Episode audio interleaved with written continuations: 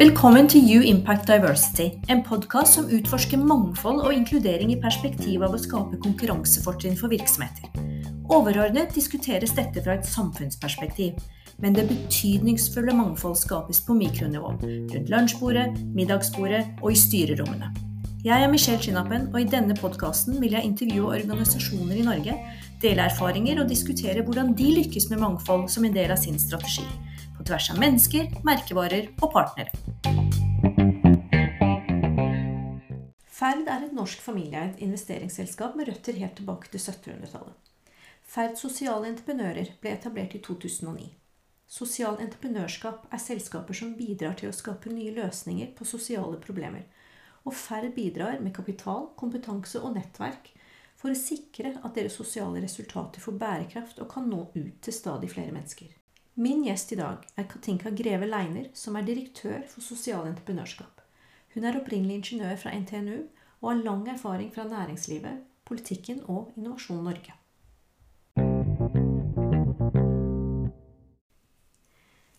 I dag skal vi snakke om mangfold og inkludering gjennom sosial entreprenørskap. Og da har jeg lyst til å ønske velkommen til deg, Katinka Grevleiner. Takk. Velkommen. Hyggelig å være her. Ja, det er veldig hyggelig. Det er litt annerledes samtale i dag. Eh, fordi eh, ferd er det vi skal snakke om, og sosialt entreprenørskap. Eh, og da mangfold og inkludering. Og det er liksom sånn Ferd som finansselskap. Det er liksom ikke den naturlige koblingen for meg. Men først sosialt entreprenørskap. Kan du si litt om hva det er? Og hva det er hos Ferd? Ja, det kan jeg jo. Um, og sosialt entreprenørskap, hvis du begynner å google litt rundt, så vil du fort se at det er diskusjoner knyttet til um, hvem som skal få lov til å kalle seg sosiale entreprenører. så det er alltid en definisjonssak. Men i utgangspunktet så er det mennesker uh, som på et vis bestemmer seg for å være en del av en løsning på et samfunnsproblem. Det er den måten jeg har begynt å liksom snakke om det på. Eh, fordi jeg opplever veldig sterkt at det er ofte mennesker som er berørt på en eller annen måte av et problem i samfunnet vårt. Eh, og så kommer de til en eller annen form for beslutning hvor de bare tenker at dette må det liksom komme en ny løsning på. Ting må bli bedre. Mm. Og så går de inn selv og etablerer en organisasjon eller en bedrift. Det kan variere som selve formatet på det. Men da nettopp for å klare å jobbe med en løsning. For å gjøre ting bedre. Mm. Så det som driver en sosial entreprenør, det er jo det å skape sosial endring. Mm. Og det, noen skal få det sosialt bedre. Eh, men samtidig så er den spennende delen av det feltet her, det er jo de som også klarer å gjøre det forretningsmessig. Sånn at de skaper en økonomi i det å lage løsningen. Mm. Som gjør at det kan bli bærekraftig, også økonomisk. Eh, og det var vel noe av det som fascinerte meg og oss eh, da vi kom inn i dette feltet. Eh, for da begynner sånne som oss, som driver med forretning i utgangspunktet, å plutselig kunne ha noe å gjøre liksom, med sosiale entreprenører og si ah, dette kan vi noe om. Mm. Og de sosiale entreprenørene er jo ofte gode nettopp på det sosiale feltet de jobber innenfor. De kan enormt mye. Og så er det ikke alltid det er forretningsdelen av det som er deres hjerte. Nei. Og da kan de trenge noe støtte på det. Ja. Og folk og rådgivere rundt seg til å kunne gjøre den delen av det hele bedre og sterkere. Så det var sånn vi startet litt ut med å jobbe også med dem. Så det å hjelpe til å skape sosiale resultater gjennom også å drive forretning, på en måte. Altså, jeg er jo økonom. Eh, og vi snakket jo innledningsvis Jeg har eh, ingen problemer med at bedrifter skal tjene penger. Ikke sant? Men samtidig så ser jeg jo på finans Jeg kjenner jo mange som jobber i finans. Allikevel som et, en industri da, eller en del av en bransje som, eh, hvor det er, dreier seg kun om avkastning. Nesten sånn at det, det etiske ikke nødvendigvis alltid henger med. da, ikke sant? Man har et sånt bilde av, av finans. da. Og der er jeg nok ikke annerledes enn en mange.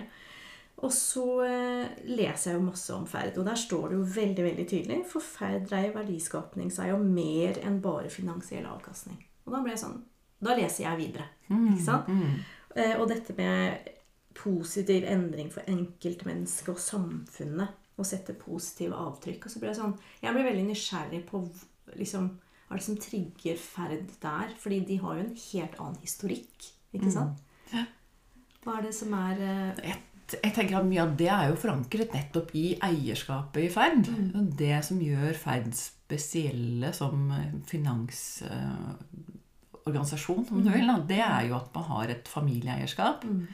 Som, eh, hvor Johan H. Andresen er femte generasjons eier. eh, Og tar med seg opplever jeg mange av verdiene som han har hatt eh, som gjennom generasjoner, hvor de har vært en familie som har likt å involvere seg i samfunnet. Mm, Forfedre har drevet politikk, eller de har eh, vært eh, berørt av motstandskamp. Det har alltid vært Ja, det har vært business, men det har vært med et engasjement ved siden av. Og det har han brakt videre på sin måte. Um, Sånn at som finansinstitusjon så er Ferd kanskje nokså lik andre finansinstitusjoner i eh, kanskje måten vi eh, investerer på, og det tenkes faglig på. Men så har man med seg nettopp det eierperspektivet, og hvor familien da er opptatt av at her skal det være noe mer, nettopp som du sier. Eh, Og det er noen verdier og en langsiktighet. De vet at jo, man skal tjene penger, men det er jo for å opprettholde formuen og helst bygge den videre, sånn at neste generasjon og de, de neste generasjonene, ikke sant, lenger perspektiv, skal kunne fortsette å bety en forskjell. Eh, Og det syns jeg har vært kjempespennende å komme inn i og lære eh, noe mer rundt dette med familie og langsiktighet i eierskapet. Som jeg tror man ikke har hvis man ikke har den eh, generasjonsperspektivet da, inn, i, inn i et eierskap. ja, For de blir også kanskje følelsesmessig engasjert. Ja, absolutt. Ja. Og jeg tenker at det har eh, Nå har jeg vært i ferd i 13 år, og det å komme inn i en bedrift og oppleve hvor mye verdiene til eier egentlig preger eh, hele organisasjonen. Ja.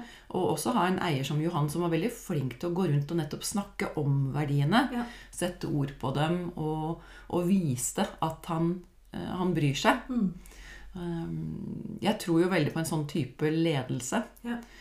Og det tenker jeg gir oss litt mer rom for innimellom å tenke annerledes. Og vi får tydelig beskjed om at ja, dette er mandatene, og sånn og sånn skal vi jobbe. Men der hvor Johan syns ting liksom nesten er kulest, det er jo når man går litt utafor. og plutselig har funnet på noe som kanskje er litt sprøtt, Ja. men sier at å, her er det en mulighet. Ja. Eh, Og her er en mulighet som både kan bety noe, og at man i tillegg kan tjene penger på det. Da er det jo kjempekult.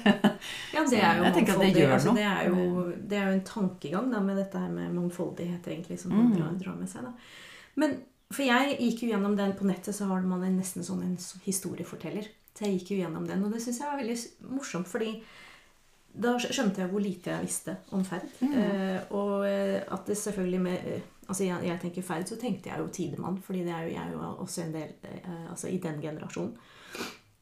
Ikke som røkte, da, men Og da jeg gikk gjennom der, så ble det liksom en sånn litt reise i min egen reise, da. Mm. Fordi eh, ikke visste jeg at, eh, at de var så Altså jeg visste at de var gamle, men altså at det er ikke bare tobakk, da.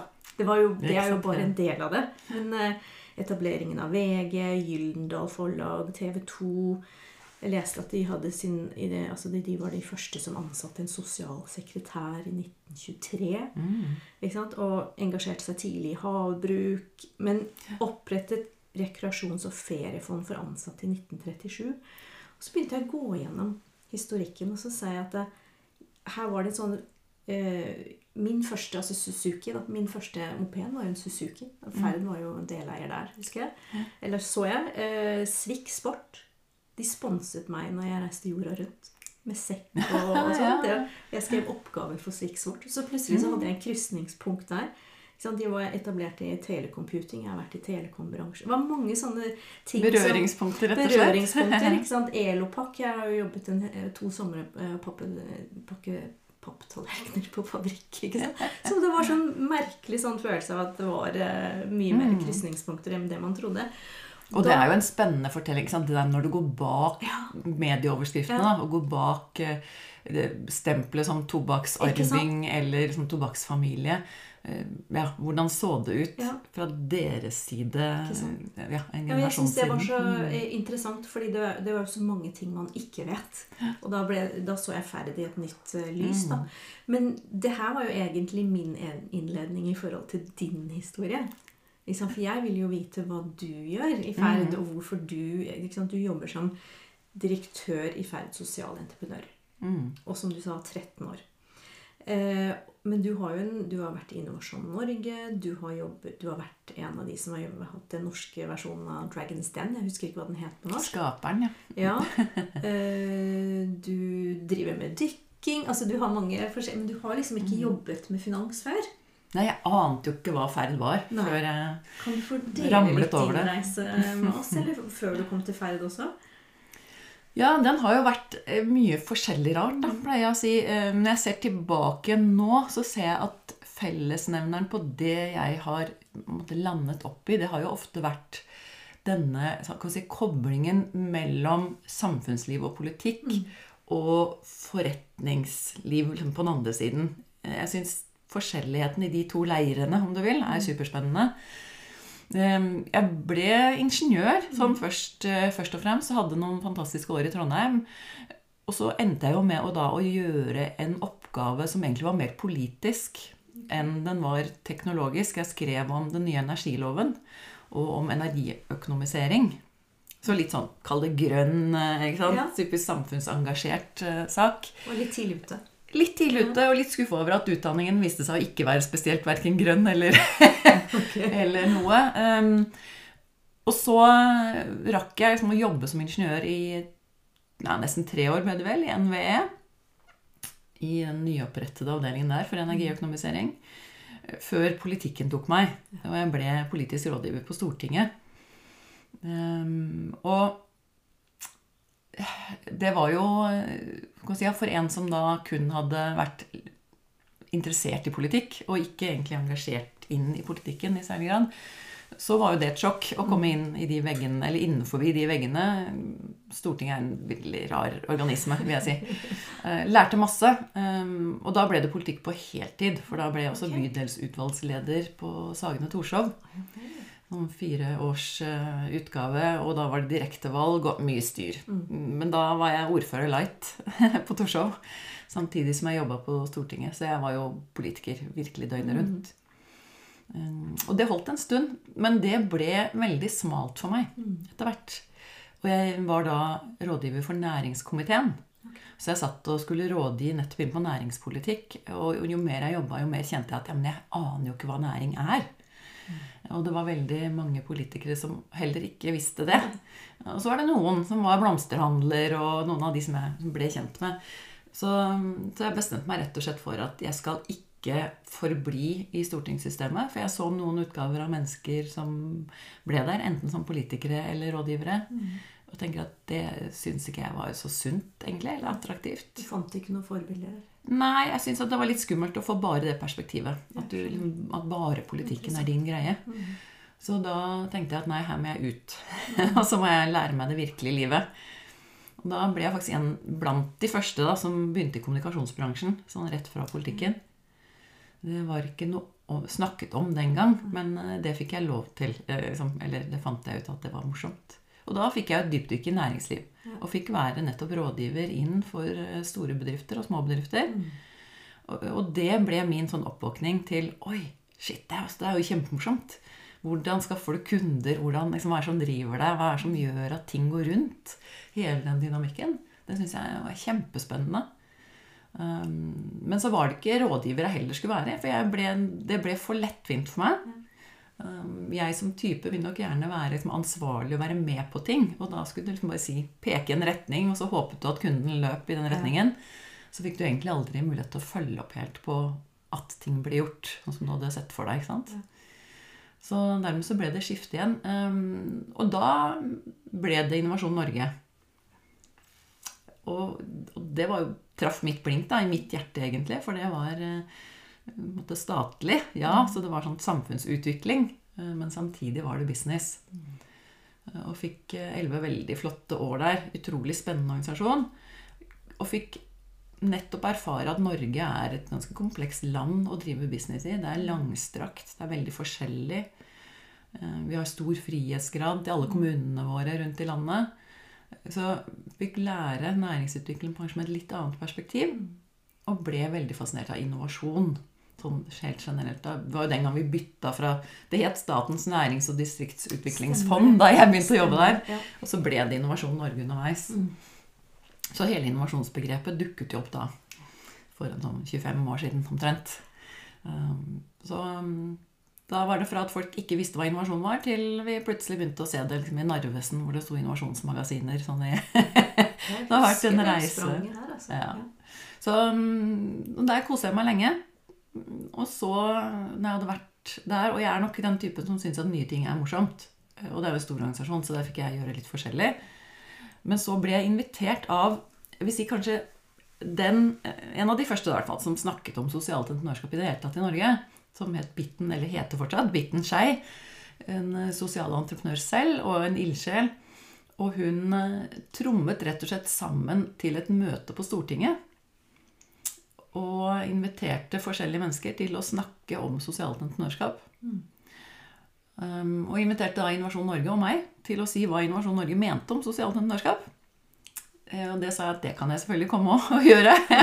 og da måtte jeg google litt, for jeg ante jo ikke hva det var. Eh, Det visste nok hun også, tenker jeg, at eh, dette ikke var så veldig på vårt bord den gang. Mm, Men da ble jeg veldig fascinert. Og satte meg inn i det, og endte da med å holde en presentasjon rundt hvordan dette se, så ut, eh, sett med et entreprenørskapsblikk da, fra Innovasjon Norge. Eh, Og den siste foredragsholderen den dagen, det var Johan H. Andresen. Så han hørte deg?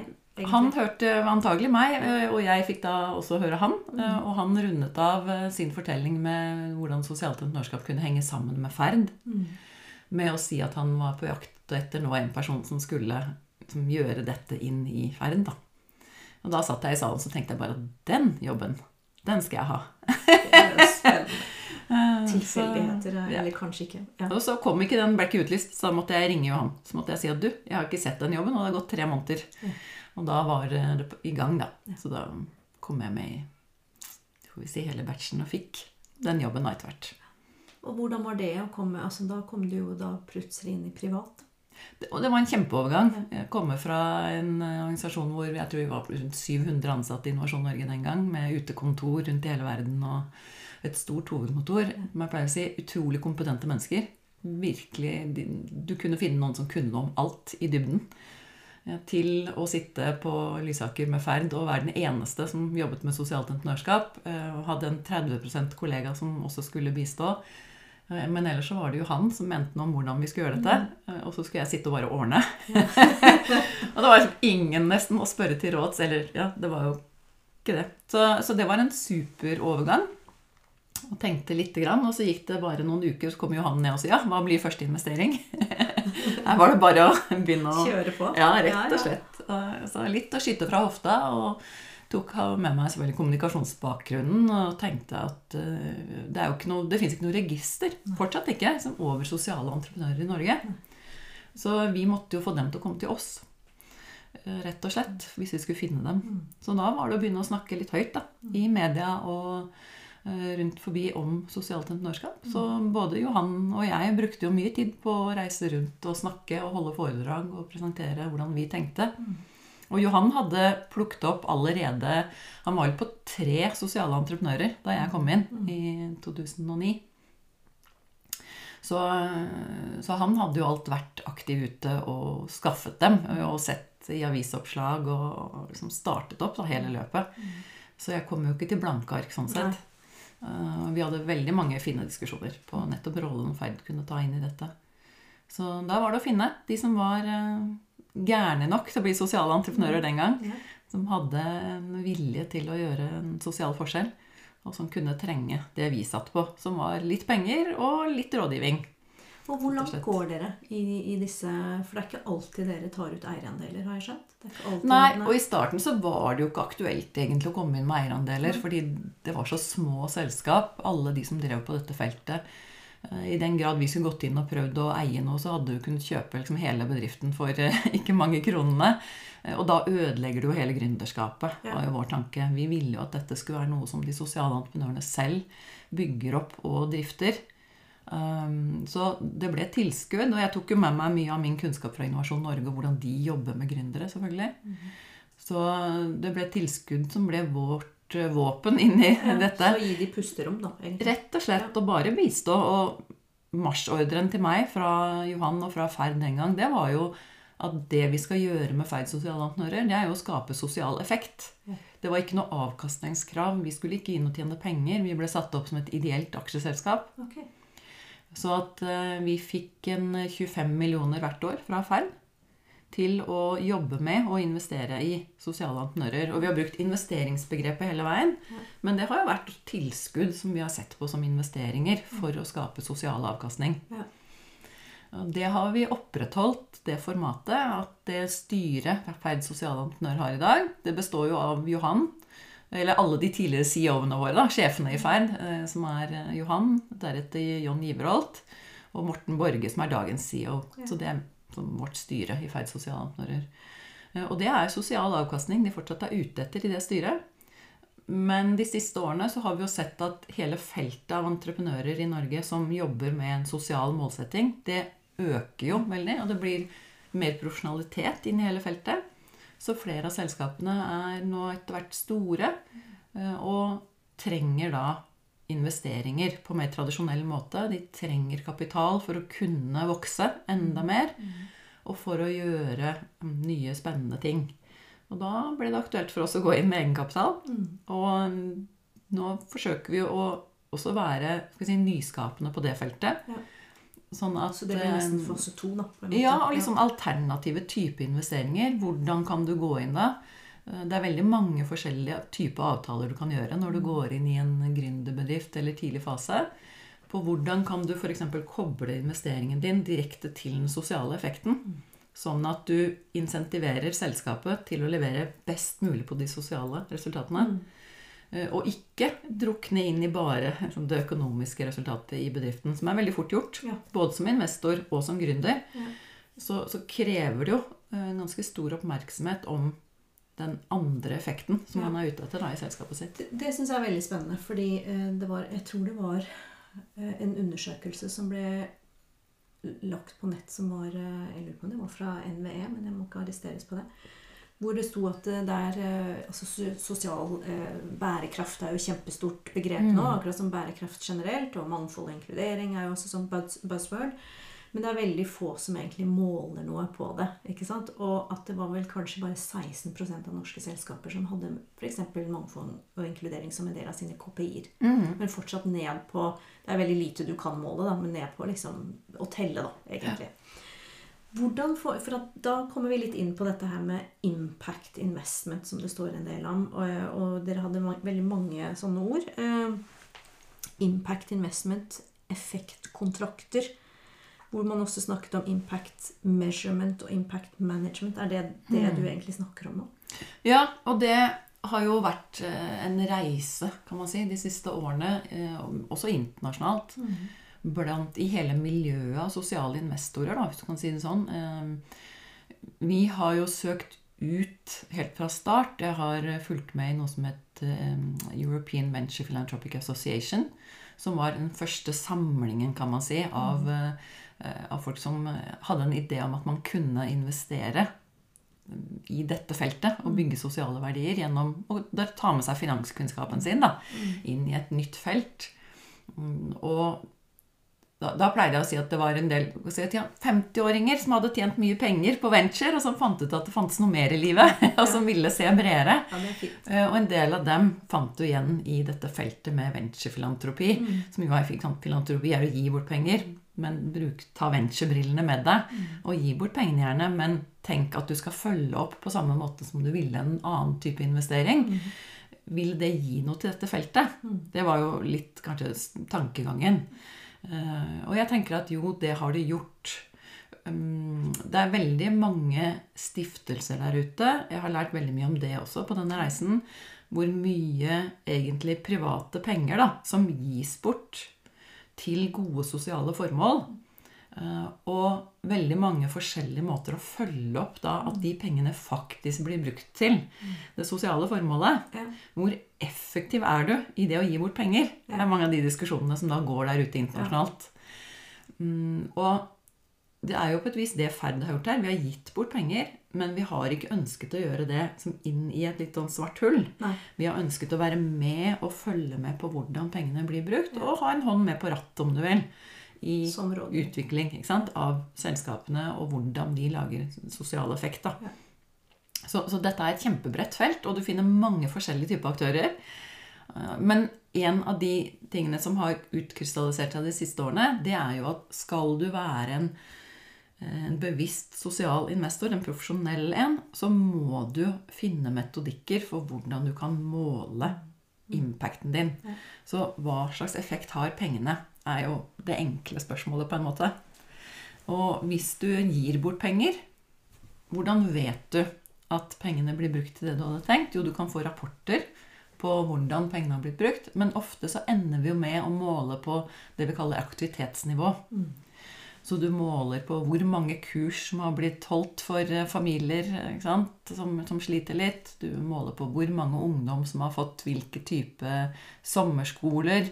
Du måler på eh, nettopp aktiviteter som har blitt utført for mennesker som har en eller annen utfordring. Mm.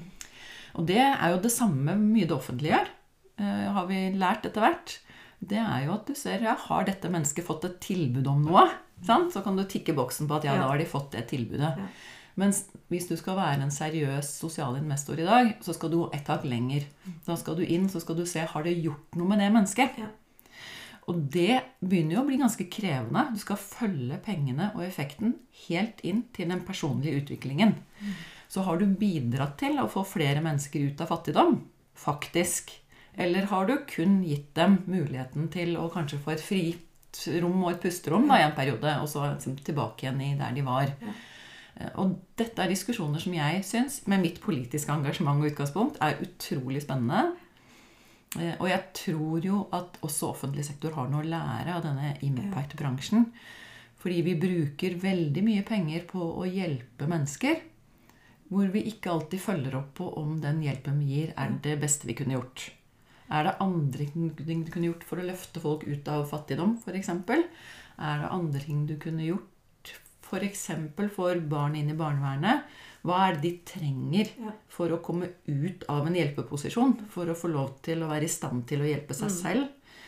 Få sette egne føtter sant, under seg og komme i gang med et eget liv uten å måtte ha masse Mm. hjelp og støtte. Hvordan tenker vi dette når vi går inn og skal hjelpe mennesker? Det er superspennende, hele det fagfeltet. Jeg kjenner at jeg nesten blir litt lei meg for at du ikke lenger er i politikken. fordi, fordi først når jeg hører deg, så tenker jeg at du burde jo jobbe med å følge pengene på bistand. Eh, Ja, ikke sant? og, jo og bistand har jo mange av disse faktisk eh, jo, Jeg tenker at bistand har mange av de modellene som man har brukt inn i Mm. dette feltet. Mm. Så en god del av bistanden begynner å være kanskje blant de bedre Mm. på å følge hva slags effekter de har av det de gjør. Eh, Så ja, så det, der kan man, det er lange diskusjoner. Vi får ønske oss deg tilbake til eh, Stortinget Men det, det vi må gjøre da, med disse sosiale entreprenørene, for å trekke det tilbake til det, det er jo at vi må finne ut hva er det vi er ute etter å oppnå Mm. gjennom de forskjellige investeringene vi gjør. Og så må vi bli enige med selskapet. Hvordan er det fornuftig at dere måler Ja. På, på hva dere gir av effekt? På de ulike, det blir, blir jo ikke et, et, et system. Nei, og jeg trodde jo når jeg begynte Ja. med dette, at det skulle være mulig å finne CO2-målingen Ja. på sosial side. Ja. Eh, Fordi CO2 har hjulpet oss masse på den grønne og miljøsiden. Alt liksom omsettes til CO2-kvoter omtrent, eller CO2-tall. På vår sosiale side så ville jo sammenligning kanskje vært at hvordan måler du livskvalitet? Og hvordan kan du gå inn og måle at en person har fått bedre livskvalitet enn de hadde før du gjorde dette tiltaket? Ja. Um, og vi er ikke helt der ennå, men diskusjonene pågår for fullt internasjonalt på, på det å måle livskvalitet, hvordan du gjør det på best mulig måte. Um, men vi må i mellomtiden, før vi er der, eh, så må vi finne ut ok, hvor mange mennesker er det gammel nok eh, skaffer arbeid til, Mm. og hva betyr det for det mennesket å ha fått den jobben? Mm. Sant? Du må ta det steget, eh, og da må du inn og finne ut hvordan hadde de det før de fikk jobb, Og hvordan har de det underveis når de er i denne jobben? Ja. Og eventuelt eh, hvis jobben avsluttes. Så du må faktisk følge ganske tett på de menneskene du involverer deg med. Mm. Hvis du skal måle, måle og følge opp Ja. da, de sosiale effektene dine. Det gjør jo at vi egentlig beveger oss litt over på prosjektene. Mm. Fordi eh, det, det, er jo ikke, det er jo ikke få prosjekter dere har vært involvert i. Eh, Og det er sikkert mange vi kunne snakket om. Jeg så veldig mye, så på en del av de tidligere prosjektene. Men så har jeg litt lyst til å snakke om de nyere investeringene. Mm. Og da er det jo, Du nevnte allerede den som heter Gammel nok. Kan du si noe om den? Ja, Gammel nok er eh, på et vis en klassisk eksempel på hvordan en sosial entreprenør oppstår. For det var pappaen til Truls som mistet jobben da han var litt over 50. Eh, Og så fikk Truls eh, følge han liksom litt på veien inn i depresjonen fordi han fikk ikke jobb igjen. Og han visste jo at han hadde en veldig kompetent pappa, eh, og ble veldig oppgitt over dette. Og han, Truls har jo gjort andre ting før, så han fant ut at nei, nå skal jeg jaggu meg starte et selskap for å skaffe folk over 50 jobb. For dette er ikke, sånn skal det ikke være. Sånn, dette er ikke riktig. Så han starta opp da Gammel nok for de som er gamle nok til å vite som hva de skulle gjøre ut i dette arbeidslivet. Eh, Og han fikk jo faktisk også pappaen sin jobb eh, etter hvert, men også mange flere.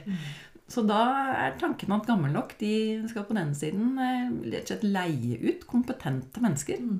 som har vært ute en vinternatt før, og som kan noe. Eh, Og så kan de leie ut folk da til andre. Eh, Som ikke tør å ansette de over 50, men de kan leie dem inn i en periode. Og det er alle typer ressurser, Ja. eller er det De har jo konsentrert seg mye om de som skal vi kalle det kontorarbeid. da, eh, ikke sant? De som har, kanskje har vært ledere, har vært økonomer, har vært eh, inne i. Eh, Så forskjellige typer, også opp mot lederposisjoner midlertidig kan du leie ut. Eh, Men ja, det har vært eh, De er flinke til å utnytte mulighetene som byr seg. Så det de har eh, gjort veldig godt nå i de årene som har gått, det er jo å leie ut sykepleiere.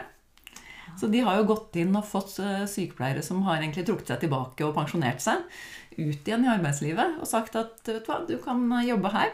Nå trenger coviden. Mm. Du trenger å være ute i jobb. Um, og så har de kunnet gi noen rammer som gjør at da kan sykepleieren komme og si jeg vil jobbe 30% eller jeg orker 70 eller jeg kan tenke meg å jobbe 100 en periode. Så har de kunnet eh, leie ut av sykepleiere mm, ut i markedet der.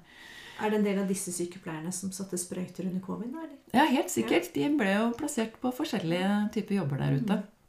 Og helsesektoren er jo ofte veldig avhengig av nettopp at det går litt sånn i bølger. ikke sant? Og, og hente inn folk og, og kunne ta ut de ekstra ressursene som kanskje også sitter hjemme da innimellom. Ja, det Så det har vært spennende jobb. Ja. Eh, Og så er det også eldre som ikke nødvendigvis er så veldig utdanna, men som har lyst til å gjøre en innsats for noen. Mm. Så de har også hatt en avtale bl.a. med Asker kommune, hvor eldre har hjulpet eldre. Og vært ute og rakt i hagene og skifta lyspærer og vært litt mer sånn vaktmestertjenester. Sånn at, eh, at der er jo kanskje juryen fortsatt litt ute. På et sånt selskap vil jo fort kunne prøve å gjøre det de får mulighet til. For å få folk i arbeid. sant? Og også sosialisering, da. Så de Ja, kommer ut. helt klart. Vi vet jo veldig mye om hva et arbeid betyr. Og det å sitte hjemme og vite at du er kompetent og har arbeidslyst, og så ikke finne noen som trenger det, det er jo en mismatch. Det er alltid noen der ute som trenger det. De bare skjønner det ikke helt enda. Nei, ikke sant? Det er jo, og da er jo Jeg syns når jeg leste om eh, Unicus synes jeg var veldig spennende. Mm. Eh, og det er jo et konsulentselskap som, eh, hvis jeg leser da, eh, tilbyr høykvalitets IT-tjenester innen program, eh, programvareutvikling, testing, kvalitetssikring og data science.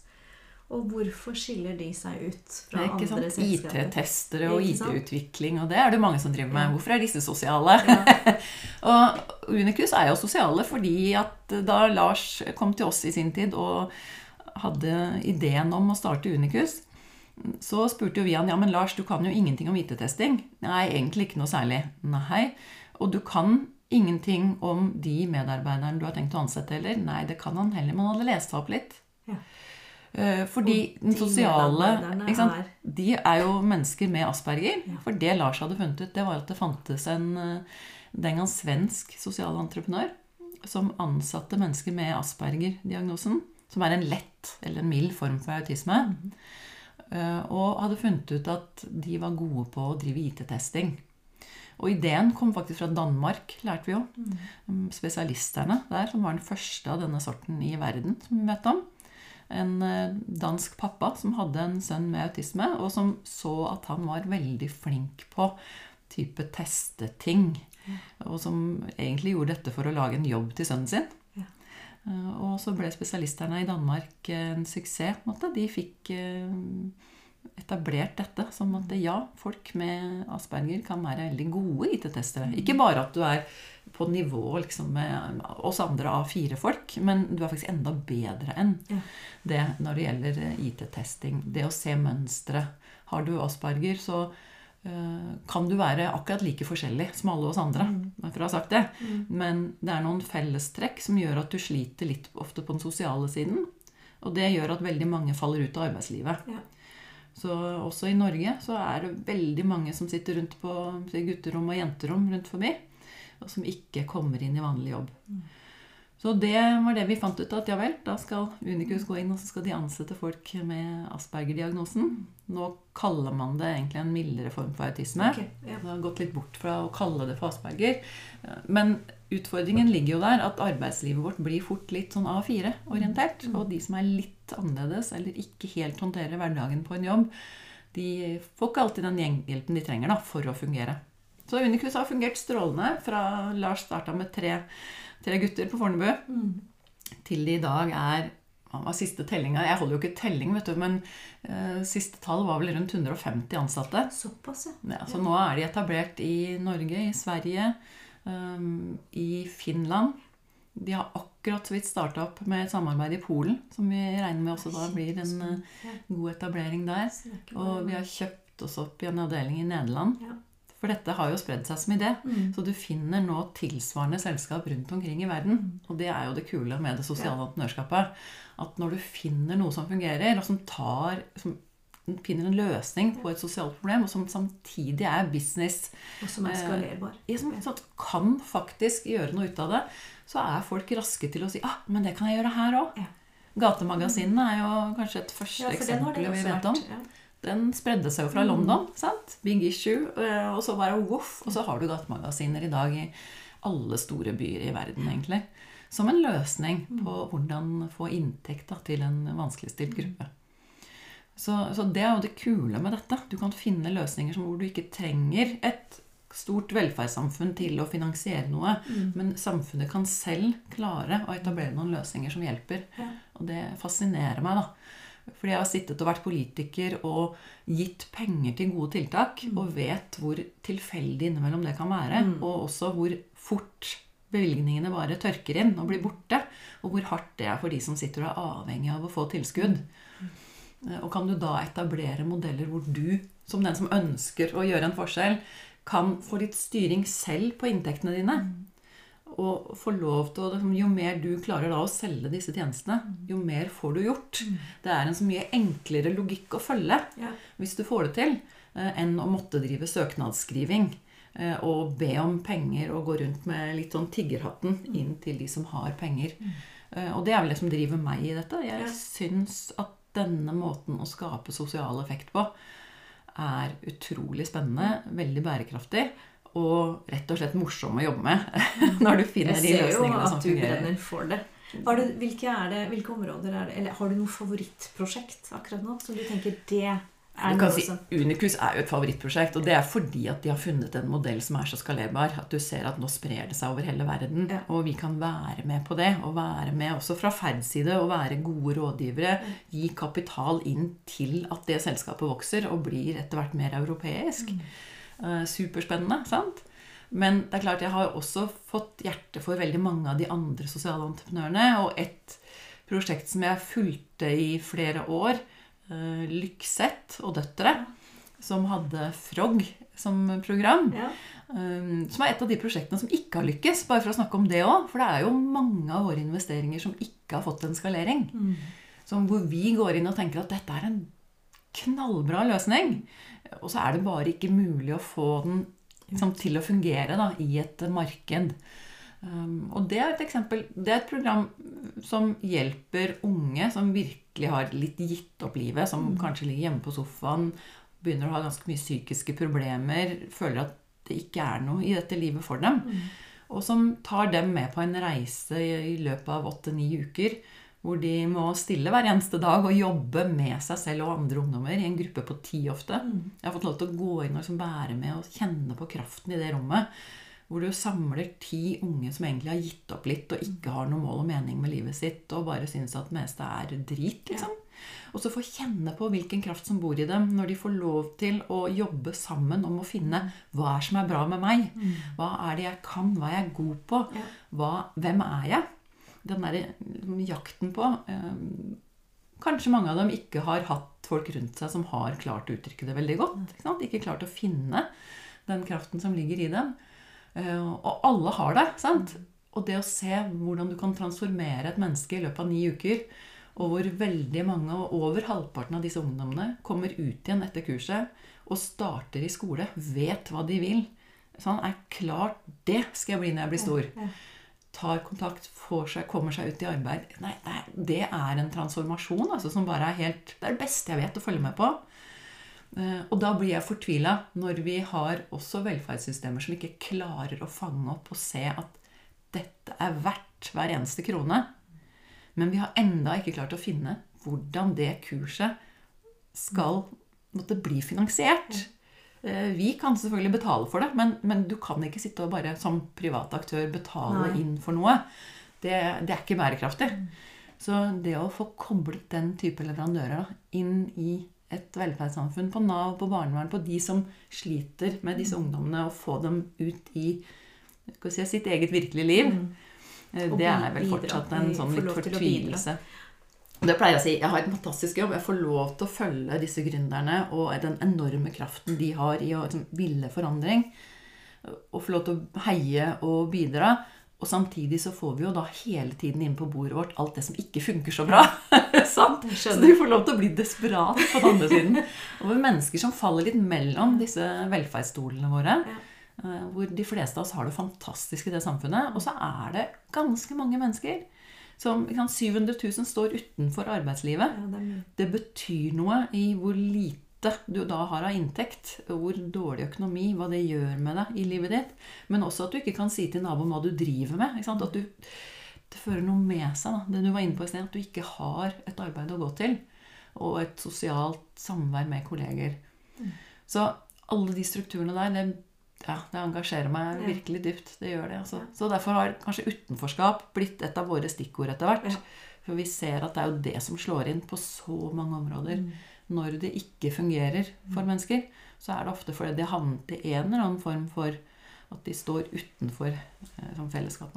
Ja, og da er det jo Når du snakker om utenforskap, så er det jo det, dette prosjektet Oslo-satsing, Mm. eh, som er eh, Der står Å bedre opp, oppvekstvilkår og muligheter for unge i Oslos mest undervurderte og levekårsutsatte områder. Sant? Og det er noe helt annerledes Ja. måte, i, i vår sammenheng. Da, Det det, er jo også en form for utenforskap. Da. Ja, det kan du si. Ehm, og bakgrunnen for Dette er ikke en enkeltinvestering. Det som er Oslo-satsingen hos oss, det er jo mer da en ny satsing som vi gjør gjennom Ferd sosiale entreprenører, men som egentlig er en ferdsatsing. Okay. Så inn i det prosjektet så trekker vi de andre kollegene våre fra alle de andre avdelingene også i Ferd. Så det er superspennende. Um, og kan bruke både eiendomsavdeling og uh, ja, litt sånn de som virkelig kan grave seg ned i tall og lage strukturer, som kan gå inn og analysere alle statistikkene som ligger for, eksempel, da, for disse bydelene i Oslo, som, som har hva skal man si, et altfor høyt tall da, av mennesker som ikke kommer inn i jobb, ikke fullfører skole. Vi ser at det er en skjevfordeling i byen vår på, på områder når det gjelder hvor vi finner talenter. Og det har vi vært litt opptatt av. For eh, jeg har vært fotballtrener også for ungene mine opp igjennom. Og da blir du litt fascinert over å se hvor stor forskjell det er bare når du skal spille fotball. På, bor du på Ullern, liksom? Eller bor du på andre siden av byen, sånn som broren min gjorde med ungene sine, så er det stor forskjell på hva slags treninger du tilbys. Om det er foreldretrenere som er der, eller om det er betalte, proffe trenere som møter deg i klubben. Veldig stor forskjell. Også på hva du må betale som forelder inn i det. Og du ser jo resultatet er jo at de som rekrutterer til storklubbene i Oslo-området og i Norge, det er jo folk fra vestkanten i Oslo. Det er faktisk et helt annet mønster enn i andre land. For der er det ofte de som, som virkelig må slåss for å komme frem her i livet, som ender med å bli de som er veldig gode på fotballbanen. Mens her har vi andre strukturer. Superinteressant. Det er klart at det er massivt med talenter på den andre sida av byen. Så det vi tenker, det er jo at kan vi være med på her og utgjøre en litt annen måte å tenke dette på? Det er mange som bruker mye penger inn i mer sånn vanskeligstilte bydeler i byen. For dette Men, her er i altså bydelene Grorud, Stovner, Alna, Søndre Nordstrand. Ja, og det er de fire bydelene som, når du ser på statistikken, da har kanskje de største utfordringene med liksom, frafall på skole. Folk som ikke står i arbeid. Og så vet vi også, det gjør jo ofte at det også er ganske dårlig fritidstilbud i disse områdene. At det er rett og slett vanskeligere, fordi folk har jo ikke da mye løfteevne økonomisk. ikke sant? Mm. Så ting henger litt sammen, og så får du onde sirkler, rett og slett. Ja, ja. Så hvordan bryter vi litt ut av de sirklene, og hvordan kan vi klare å finne talentene også på denne siden av byen? Mm. Og få dem til å stå i skole og se at det er en mening med skolegang. Mm. Det gir deg noen muligheter. Få dem inn i finans, sant? Mm. Eh, hvor de kanskje blir borte. De forsvinner underveis, de talentene.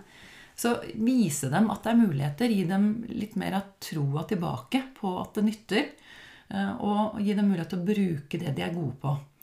Og der er vårt mål å samle mange forskjellige aktører. Både de som allerede i dag er inne i dette arbeidet, og som er engasjert på en eller annen måte.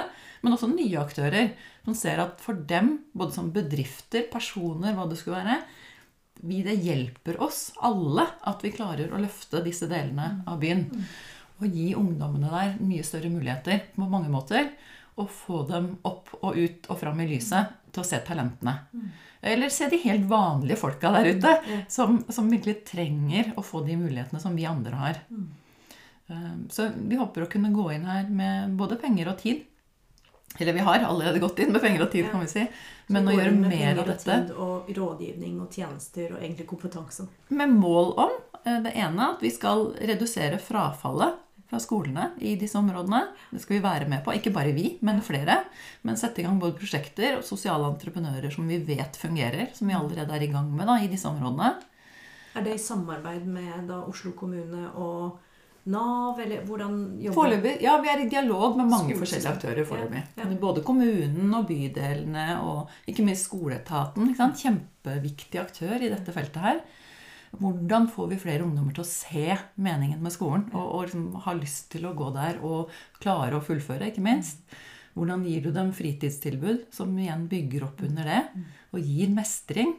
Eh, for veldig mye handler om mestring. Eh, og, og da er det ofte å gi folk muligheter. Så det på den ene siden. Og neste utfordringen blir jo da og hvordan får du flere i arbeid? Hvordan skaper du entreprenørskapet inn i bydelene i Oslo? Hvordan gir du mennesker mulighet til å faktisk starte sitt eget hvis de ikke klarer å få jobb noe sted? Kan du øke det entreprenørskapstrykket? Ehm, vi vet en del om at folk som kommer fra andre land, kan slite med å få jobb inn i det vanlige arbeidslivet.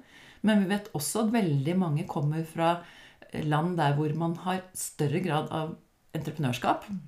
Så de kan ofte mye på business, mye på entreprenørskapssida. Kan du bruke det sant, i større grad?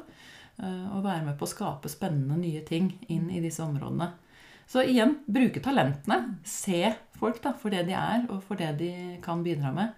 Eh, og vi tror at det er mulig å gjøre ting litt annerledes og få til da andre typer mm. resultater. Eh, og vi kan ikke gi dette opp fordi hvis man fortsetter å la disse spiralene liksom gå i gæren retning, så vet du at det går utover alle sammen. Mm. Så det er ingen av oss som tjener på det. Så, så her har vi sånn felles uh, hva skal vi si, felles kamp da, for ja. å snu noen sånne Nei, spiraler. Jeg, jeg blir oppløftet av å høre på deg. Ja. Og jeg mener jo at dette ja, kan vi få til. For det, vi har mye ressurser i det norske samfunnet. Vi, sitter, vi, har mye penger. Det er ikke penger det går på. Det er faktisk å klare å få de pengene satt inn på, måte, på riktig måte. Som, tenker, som har uh, betydning da, her. Og da har jeg egentlig litt, litt lyst til å avslutte med eh, ferd i seg selv. Altså fordi no, dere jobber jo med mangfold og inkludering på et nivå som veldig mange ikke kanskje tenker mangfold og inkludering. da. Og her snakker vi om da alt fra diagnoser til alder til alt mulig. Men hvordan smitter dette over på ferd? Altså selskapet Ferd. Hvordan, ikke sant? Fordi vi snakket jo litt om hvordan ser mangfold og inkludering Mm. ut hos Ferd? Ikke sant? Jeg tror var det, Nå er det kanskje ti år siden nesten, da, men vi hadde en, en runde hvor når dette så vidt begynte å snakkes om Det er jo ikke så lenge siden da, man begynte å snakke mer rundt dette med mangfold. Eh, Og da husker jeg at vi liksom hang ut oss selv litt på et sånn internsak vi hadde. For da var- vant vi at nesten alle kom fra Oslo 3. Liksom.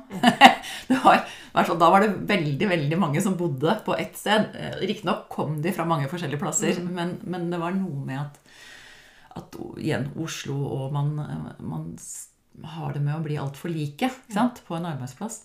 Så siden den gang så tenker jeg at ja, det skjer noe, og vi prøver å tenke bredere enn vi gjorde.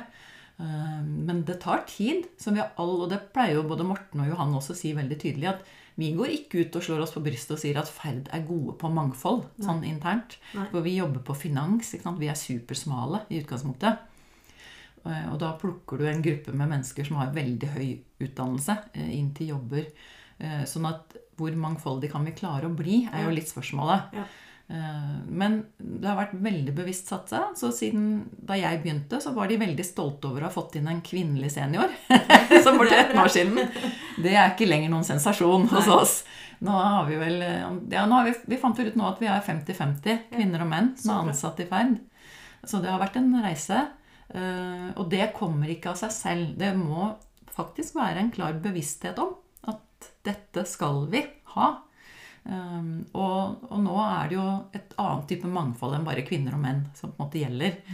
Uh, og det å få høre nå at uh?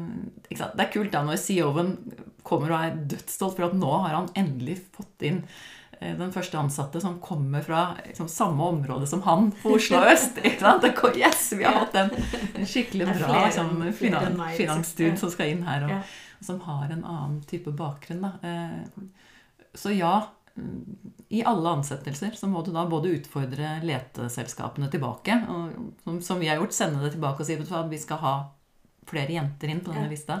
Eh, Eller vi skal ha flere med andre navn enn eh, Ola og Morten. Ikke sant? Eh, Vi skal rett og slett lete opp det mangfoldet. Mm. Så vi vet at vi skal, eh, og vi prøver så godt vi kan. Ja. Og så er vi, som mange andre, litt sånn famlende på hva som funker. Um, Og forsøker å dra opp diskusjonen. Og, og si det må være lov å diskutere dette uten å være perfekte selv. Ja. For det er det de færreste som er. Eh, Men at vi tjener på det mangfoldet, det er vi jo ikke i tvil om. Det ser du på si, rapporter og analyser og alt. Um, Men du må invitere mangfoldet inn, og så må du også tørre å slippe dem løs. Det er jo neste. Du må tørre da å kunne jobbe på litt andre måter. Og la de med de andre perspektivene slippe til med sine måter å se verden på. Så jeg tenker at her har vi å, ja, mange morsomme diskusjoner igjen, tenker jeg på. Å gå fra å være et smalt finansmiljø til å bli en bredere og eh, ja, bredere favnende arbeidsplass. Mm. Jeg syns det var en innmari fin avslutning. Tusen hjertelig takk, Katinka, for at du eh, kunne delta i dag. Både på vegne av Ferd, men også med alt det du bringer inn. Veldig spennende å høre på deg. Eh, jeg har ikke gitt opp at du går tilbake til politikken, men Nei, hvem vet? Hvem vet? Hvem vet? Men tusen takk for i dag. Takk for muligheten. Takk for at du lytter. Del gjerne, så verdifull erfaring og praksis kan nå andre som er i ferd med å navigere seg innen dette området. Hvis du ønsker å starte prosessen i egen organisasjon eller ta eksisterende arbeid videre, ta gjerne kontakt. Kontaktinfo finner du i podkastbeskrivelsen. Det er kun ved å delta aktivt på samtalen at du kan være med på å drive positive endringer. Uansett hva mangfold betyr for deg og din organisasjon. Det er kun ved å dele at vi aktivt kan gjøre hverandre gode og gjøre læringskurven brattere. Jeg ønsker å etterlate positive fotspor.